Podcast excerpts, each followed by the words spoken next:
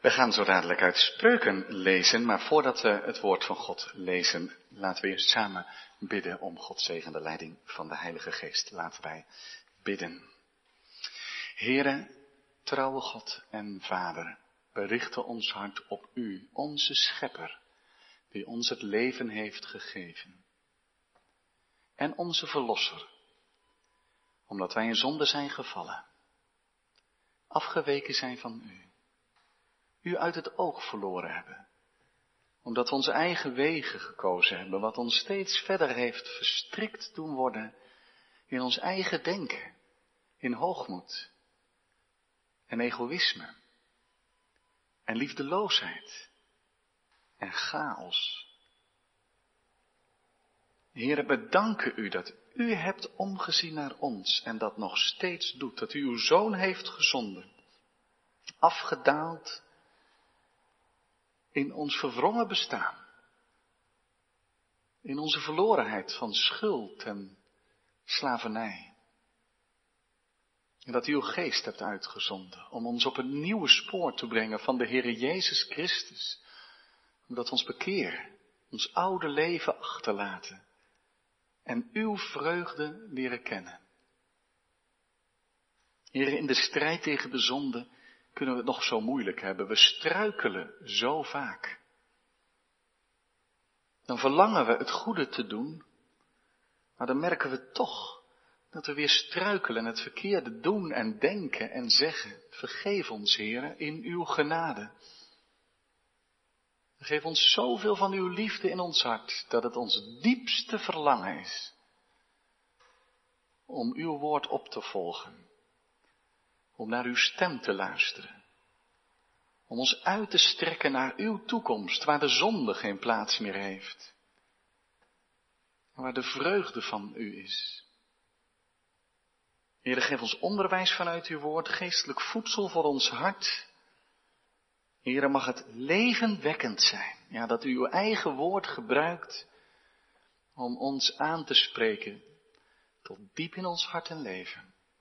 Doe ons uw stem verstaan, heren. Heer, zegen heel uw kerk op deze dag, hier in deze plaats, in dit land, maar ook wereldwijd. Maar uw woord gehoord wordt, soms in tijden van verdrukking, of armoede, of chaos, of onrust, of grote rijkdom, of oppervlakkigheid. Maar waar het ook klinkt uw woord en waar uw gemeente ook samenkomt, bouw uw kerk en koninkrijk, heren.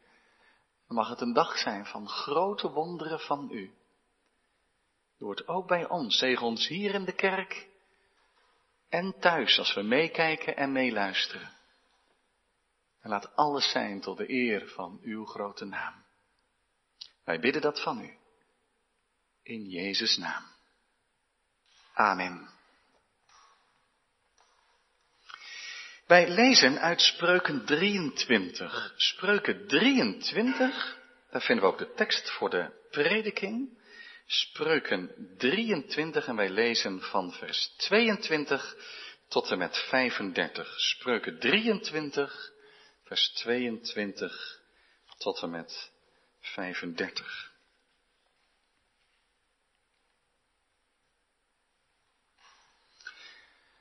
Luister naar je vader die jou verwekt heeft en veracht je moeder niet wanneer zij oud is. Koop de waarheid en verkoop haar niet. Wijsheid, vermaning, inzicht. De vader van een rechtvaardige zal zich buitengewoon verheugen. Wie een wijze zoon verwekt heeft, zal zich over hem verblijden. Laten je vader en je moeder zich verblijden. Laat zij die jou gebaard heeft zich verheugen. Mijn zoon, geef mij je hart. En laten je ogen behagen scheppen in mijn wegen. Want een hoer is een diepe kuil en een vreemde vrouw een nauwe put.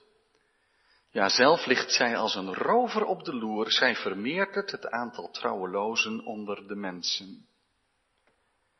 Bij wie is ach, bij wie is wee? Bij wie is geruzie? Bij wie geklaag? Bij wie zijn er wonden zonder reden? Bij wie wazige ogen? Bij hen die lang doorgaan bij de wijn. Bij hen die komen om gemengde drank te proeven. Kijk niet naar de wijn wanneer hij rood kleurt als hij fonkelt in de beker, al glijdt hij gemakkelijk naar binnen. Uiteindelijk bijt hij als een slang, spuwt hij gif als een adder. Je ogen zullen naar vreemde vrouwen kijken en je hart zal verderfelijke dingen spreken.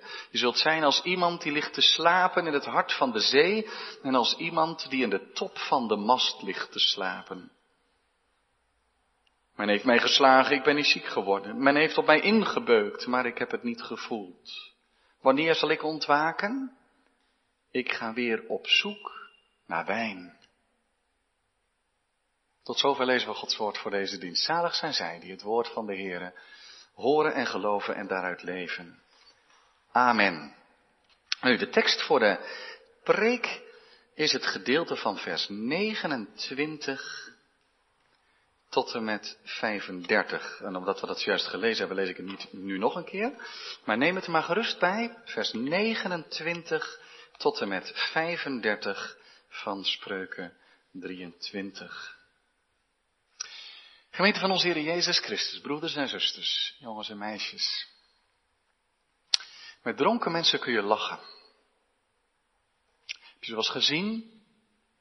S'avonds laat misschien, zwalkend over straat, onvast op de benen, misschien wel vallend, op de fiets proberen te stappen, of met dubbele tong sprekend.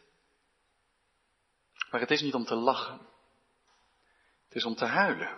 Dat een mens, door God geschapen, op die plaats, in die situatie terechtkomt. Het is Gods bedoeling niet. Al heel vroeg kom je het tegen in de Bijbel. Ik denk maar aan Genesis 9. De Bijbel is dan nog niet zo heel ver onderweg. Of we lezen dat na de zondvloed Noach een wijngaard geplant heeft. En we kunnen hem niet alcoholisme verwijten in de zin dat hij al verslaafd was. Misschien wist hij van de werking nog niet al te veel. Maar er gebeurt wel wat hier in dit gedeelte staat. Dat het al te gemakkelijk naar binnen glijdt. En dat het hem uiteindelijk uiteindelijk brengt tot dwaze dingen. Op zich, het verbouwen van wijn hoort bij de schepping, de mogelijkheden die God gegeven heeft, wat God te genieten geeft. Maar Noach weet geen maat te houden. En zijn zoons vinden hem naakt uitgekleed in zijn tent. En dan heb ik het nog niet over de ellende die daar nog op volgt. Alcohol maakt meer kapot dan je lief is. Kijk maar in vers 29, waar dit gedeelte wat nadrukkelijk over de wijn gaat, maar vul al het andere ook maar in, waar gezegd wordt, bij wie is ach, bij wie is weet. Waar is nou het verdriet te vinden, zegt deze spreukendichter. Bij wie is nou verdriet te vinden? Bij wie is geruzie? Want zeg nou zelf. Van alcohol krijg je uiteindelijk bij overmatig alcoholgebruik ruzie, verkeerde woorden. Bij wie is geklaag? Bij wie zijn er wonden zonder reden, kwetsuren die niet nodig zijn en wazige fletse ogen? Het is bij wie maar blijft bij de wijn. Bij Noach lijkt het erop dat hij één nacht flink doorgehaald heeft, zoals wij dat misschien zouden zeggen. In vers 30 gaat het erover, bij hen die lang doorgaan bij de wijn, bij hen die komen om gemengde drank te proeven. Bij gemengde drank mag je ook aan wijn denken, waar soms honing in gemengd werd, of uh, spicy kruiden om het nog wat aantrekkelijker te maken. Je zou haast zeggen, een wijnproeverij waarbij niks uitgespuugd werd, zo, zo gezegd.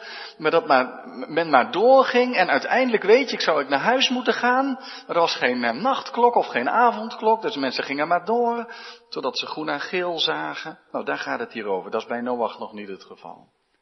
Maar hier in dit gedeelte is sprake van weten dat je moet stoppen. Maar toch maar blijven, blijven en het gaat slechter en slechter.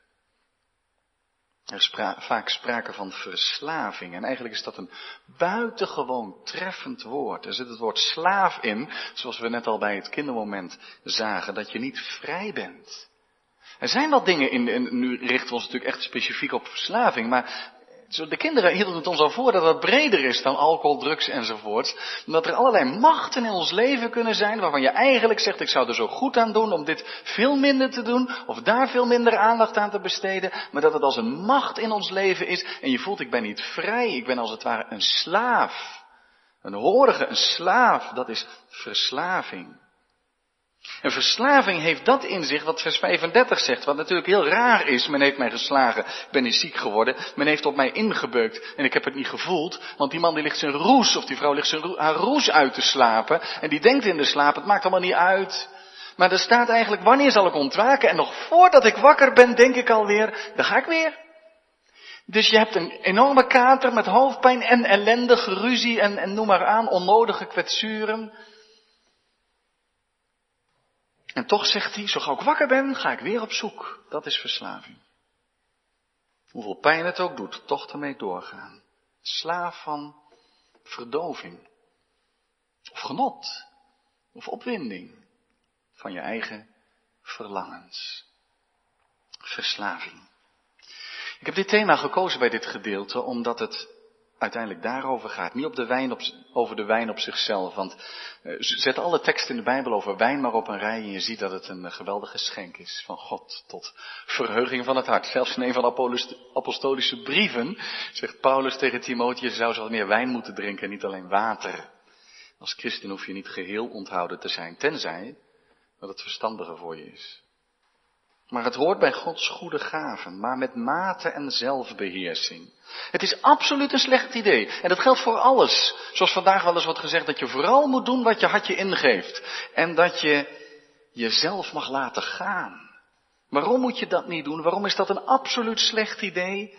Omdat de Bijbel ons heel eerlijk, en we zien het om ons heen als we eerlijk zijn ook, de Bijbel ons vertelt dat we zondaars zijn. Gevallen mensen bij God vandaan. Dus dat we niet op die plek zijn waar God ons voor bedoeld had, omdat we gelukkig zouden leven in zijn wereld. We zijn in zonde gevallen mensen en onze verlangens zijn vaak verre van te vertrouwen. Dat is toch raar? Dat we denken vaak van kinderen, die moet je goed bijsturen, want anders doen ze dingen die hun eigen ellende teweeg brengen. Maar dat geldt voor volwassen mensen niks minder. Dat wij, terwijl we eigenlijk soms bij flitsen toch, of soms heel diep beter weten, toch echt de verkeerde weg kiezen. Zonde maakt ons dwaas, zegt het spreukenboek. Niet wijs. Dwaas is dat je soms tegen beter weten in een weg kiest van kort genot met alle ellende van dien. Het gaat dus over verslaving. Niet alleen aan alcohol. De aantrekkingskracht van alcohol en denk aan drugs is natuurlijk heel groot. Er wordt wat ook onder de jongeren mee geëxperimenteerd. Misschien redelijk beperkte mate. Maar als je soms verhalen leest over, dan kunnen we toch rustig satanische dingen noemen. Als mensen echt verslaafd zijn aan drugs, wat hun leven, hun lichaam afbreekt. Maar soms ook alcohol, wat mensen uitmergelt, organen laat vastlopen, om maar zo te zeggen. En mentaal iemand totaal verziekt. Verschrikkelijke dingen zijn dat. Maar we hebben het niet alleen over stimulerende uh, middelen, maar ook over geld. Luxe. Of niet kunnen stoppen met het kijken van series. Of eten. Of seksueel genot. Het is je te sterk. En je weet, het is niet verstandig, het brengt me niet dichter bij God, het brengt ook niet dichter bij de vreugde van het leven. Er komt ellende van, vers 35 zegt dat natuurlijk, en ik ga toch weer door. Maar het is zo aantrekkelijk, dat is wat dit gedeelte ons voorhoudt. Kijk maar naar vers 31. Kijk niet naar de wijn als hij rood kleurt, als hij fonkelt in de beker. Nou, dat is mooi hoor. Rode wijn, als je er zin in hebt, die fonkelt in de beker. En het heeft zo'n aantrekkingskracht op je, zegt vers 31. En als je het gaat drinken, dat staat er natuurlijk nog erg mooi hè. Hij glijdt zo makkelijk naar binnen. Maar als je hier een plaatje van zou tekenen, er zijn wel mensen die hele mooie cartoons maken bij het spreukenboek, dan zie je dat niet de wijn naar binnen glijdt, maar dat er een slang naar binnen glijdt, bijvoorbeeld. Want daarom staat het al, hij glijdt heel makkelijk naar binnen. Vervolgens gaat het over een slang en een adder. Dat mag ons te denken geven, hè? want het is zo, glijdt zo makkelijk naar binnen. En hoe langer je het doet, hoe makkelijker het, het, het glijdt. Maar dan achteraf bijt hij als een slang en spuwt hij gif als een adder. En daarmee wordt bedoeld, en daarmee krijg je toch eigenlijk heel de verslaving. En dan komt straks bij de zondeverslaving, want die ligt er ook in getekend. Die, die komt op ons af van, zo werkt dat toch? Die spreukendichter heeft ons mensen door. Want zo werkt het, het gaat zo makkelijk naar binnen. En dan pas, dan pas krijg je de ellende. En dat wordt ons ook getekend in vers 33 en 34. Ik ben het niet zo heel erg eens met deze vertaling op dit punt, want hier staat je ogen zullen naar vreemde vrouwen kijken. Dan wordt een thema wat ook in vers 27 en 28 ligt weer opgepakt. Maar heel veel uh, verklaarders die zeggen, dat, dat woord vrouwen staat er ook niet letterlijk, hè? vreemde, maar dat is een vrouwelijke vorm. Maar vele mensen zeggen, je gaat gewoon hallucineren, je ziet wazigen, je ziet rare dingen voor je. Daar gaat het hier om. En daar zullen misschien vreemde vrouwen bij horen, maar dat niet alleen. Het is, het, is breder dat wazige kijken. En, en je hart gaat verderfelijke dingen spreken. Je kraapt zoveel onzin uit en en je zegt verkeerde dingen en soms hele rare dingen. Die leven in je hart. En vers 34 zegt dan, je zult zijn als iemand die ligt te slapen in het hart van de zee. Het is lastig dat uit te leggen, maar er zit zowel in vers 34 een soort gevoel van de dronkaard. Die ligt als het ware slap midden in een zee te deinen. Zo met, de golfslag. Die heeft zich niet meer onder controle. Je ziet het haast voor je. Of iemand die ergens in de mast van een schip zit en heen en weer aan het wiegen is en op en neer. Dat is het gevoel van de dronkaard. Maar er zit ook iets in. Het is ook het gevaar. Want als je ligt in het hart van de zee, dan moet je niet slapen. Dan moet je jezelf proberen te redden. En als je in het topje van de mast op de uitkijk zit, zoals je zo'n kraaiennest helemaal bovenin een mast had zitten, moet je maar beter niet in slaap vallen, want voordat je het weet val je naar beneden. Dus het is en, en het gevoel zit erin, de deining van dronkenschap, maar ook het enorme gevaar. Je, je, je, je slaapt, terwijl je niet kan slapen. Man, je bent in gevaar. Want deze verslaving, die vreet je op. Ik zei al even, er zit iets satanisch in. Dat zit er namelijk in dat het, het belooft de hemel, en het geeft je de hel. Zo werkt het met verslaving. En dat is precies wat de duivel doet. Het is het patroon wat hij gelegd heeft. Hij belooft je de hemel en hij schenkt je de hel. Want vers 31 en 32, daar gaan we even naar terug, maar die aantrekkingskracht, het is zo mooi, het is zo heerlijk ook. Maar uiteindelijk bijt hij als een slang, dat doet ons denken aan Genesis 3. Misschien dat het daarom ook wel over die slang en die adder gaat, omdat daar staat dat die slang tot Eva gaat spreken bij de zondeval en haar gaat verleiden. Twee dingen vallen op. De vrucht was begeerlijk, staat er. Als wijn die fonkelt in de beker. Verleidelijk. Je ziet er geen kwaad in. Er ligt geen prikkeldraad in wijn. Het fonkelt alleen maar. Maar die vrucht die daar hing, was ook geen giftige, lelijke vrucht. Met die vrucht was overigens ook niks mis. Het kwaad zat hem niet in die vruchten. Ze keken ernaar, kan toch geen kwaad? Zo mooi. Hoe prachtig, sappig, heerlijk. Zal wel gezond zijn, zo'n hoop vitamines in zitten en zo. Maar dat was het punt niet. Het punt was ongehoorzaamheid.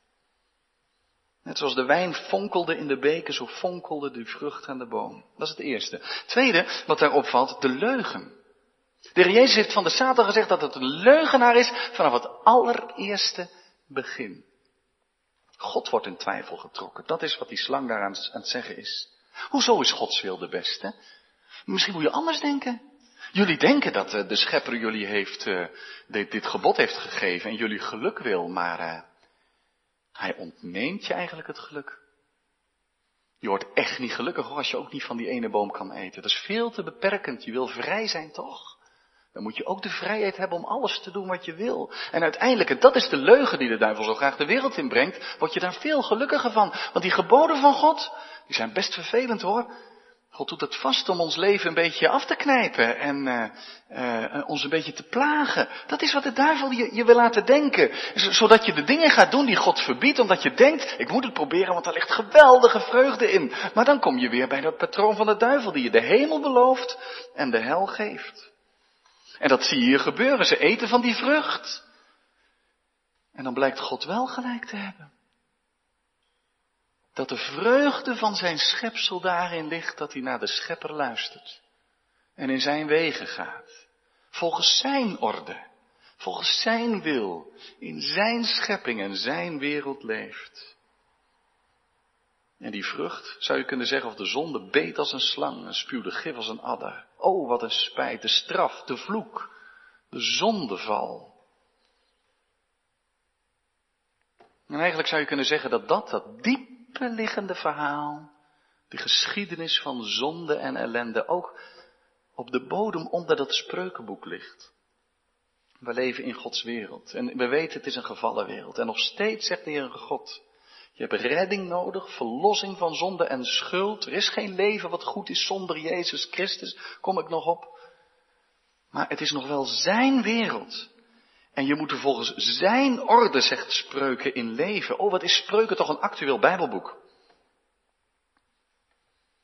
Want juist vandaag de dag zeggen mensen, we leven in de grootste vrijheid. Je moet dicht bij jezelf en je eigen verlangens leven. Doe wat je wilt, je leeft maar één keer. Maar de Bijbel zegt, je bent een zondaar, je kunt beter je verlangens niet vertrouwen. Wat wij nodig hebben is wedergeboorte. En dat is een hele diepe term waarmee de Heer Jezus zegt, het moet niet een heel klein tikje anders, het moet radicaal anders. Je moet opnieuw geboren worden. Je moet van de wereld als het ware overgaan in de kerk. En van de zonde naar de genade, en van de duisternis naar het licht. Er moet iets nieuws gebeuren in ons leven. Dat is redding. Daarom spreekt het christelijk geloof met grote woorden. Redding, verlossing, verzoening, vergeving, oude mens, nieuwe mens, bekering. En leven met God en Jezus Christus, en dat is iets heel belangrijks. Daar ligt de diepste vreugde in, maar omdat wij in een in zonde gevallen wereld leven, vinden we die vreugde alleen, niet om een heel klein tikje koerswijziging in ons leven aan te brengen, maar vinden we die vreugde alleen als we sterven aan ons oude leven en van de Heer een nieuw leven ontvangen. Zo diep zit het kwaad in ons, dat de Heer ook niet zegt, nou, je moet ook niet aan denken dat het tegen verslaafden wordt gezegd, nou, uh, zorg dat je leven op orde komt. En kom dan maar terug. Dat kan niet, heeft hij de macht niet voor. En dat geldt voor ieder mens. Daarom kwam hij zelf. En daalde in Jezus Christus af in onze verlorenheid. Oh, die oude verlangens, die een knak moeten krijgen in ons leven, gebroken moeten worden. Die zijn een leugen. Kijk om je heen wat onder de vlag van de vrijheid in onze maatschappij gebeurt. De vrijheid van meningsuiting, groot goed. Tot en met misbruik om elkaar naar beneden te praten. Waar is de trouw in relaties? De opoffering voor elkaar. De liefde. De naaste liefde. Het respect voor mensen die in armoede leven. Voor mensen met andere huidskleuren dan jij. Zonde maakt dingen kapot. Veel mensen geloven dat niet. De boze heeft twijfel gezaaid. Maar Jezus noemde hem de vader van de leugen.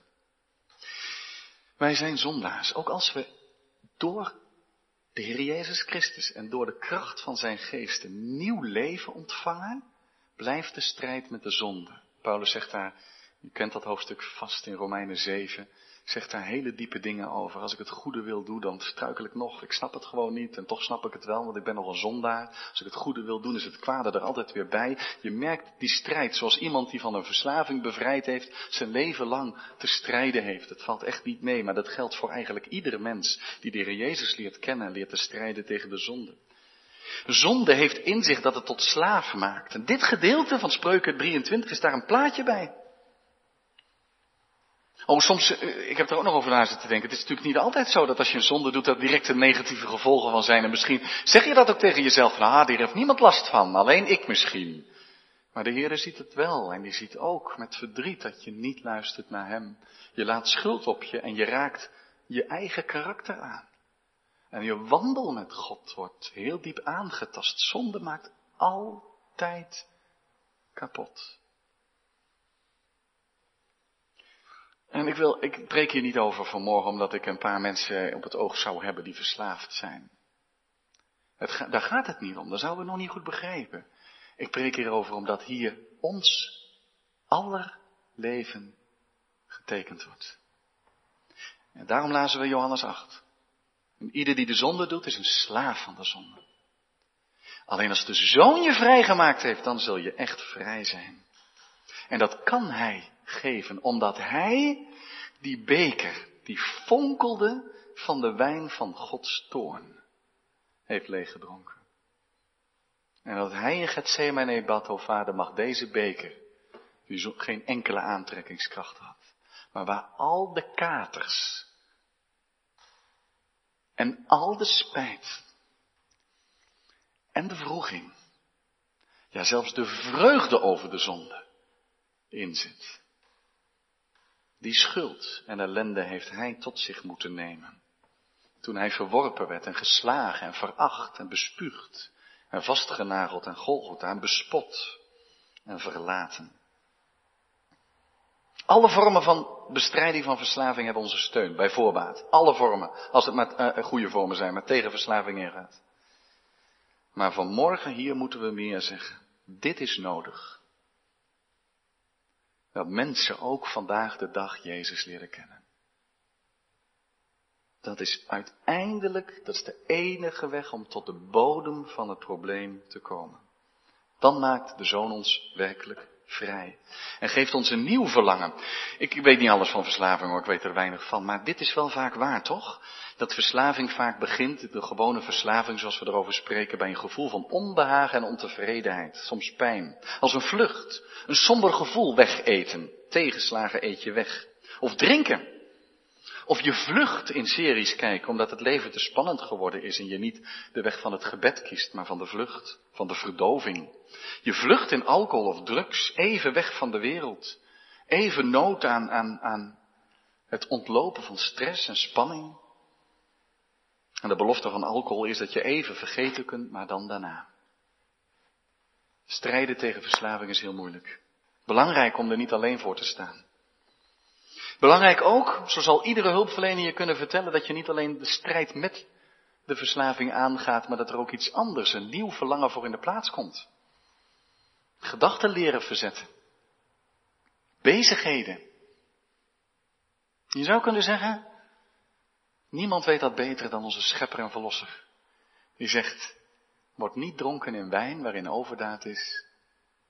En als het dan zou stoppen, dan zouden we hopeloos elkaar aankijken en zeggen, ja maar dat kan ik niet.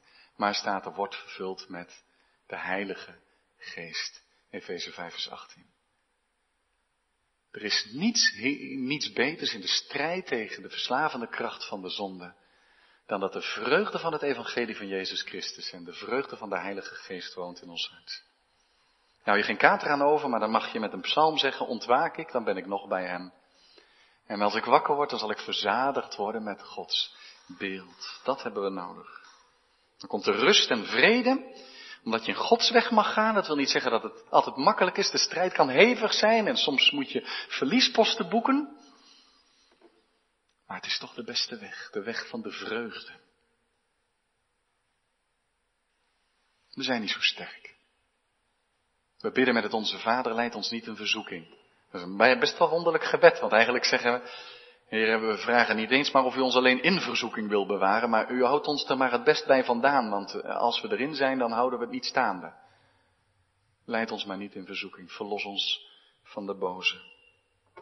Jongeren en ouderen, leef voorzichtig en wijs. God verbiedt niet het genieten en het goede. Integendeel. Onze God wil niet dat je op een verkeerde manier met zijn gaven omgaat en ellende over je brengt. Hij wil je verlossen. Door bekering, door Hem te leren kennen. En in ieder van ons, misschien wel op dit moment, die zo'n hang naar het kwaad en het verkeerde in zich voelt, denk aan de Heer Jezus Christus, onze liefdevolle heiland die de prijs die hij betaalde gewillig betaald heeft. Maar oh, het was die hoog. Denk aan hem. Denk aan de Heilige Geest die in je wil wonen. Denk aan de Vader die ons laat leven in zijn schepping. En ons roept om daar als verzoende mensen te leven. Zijn vreugdevolle toekomst tegemoet. Amen.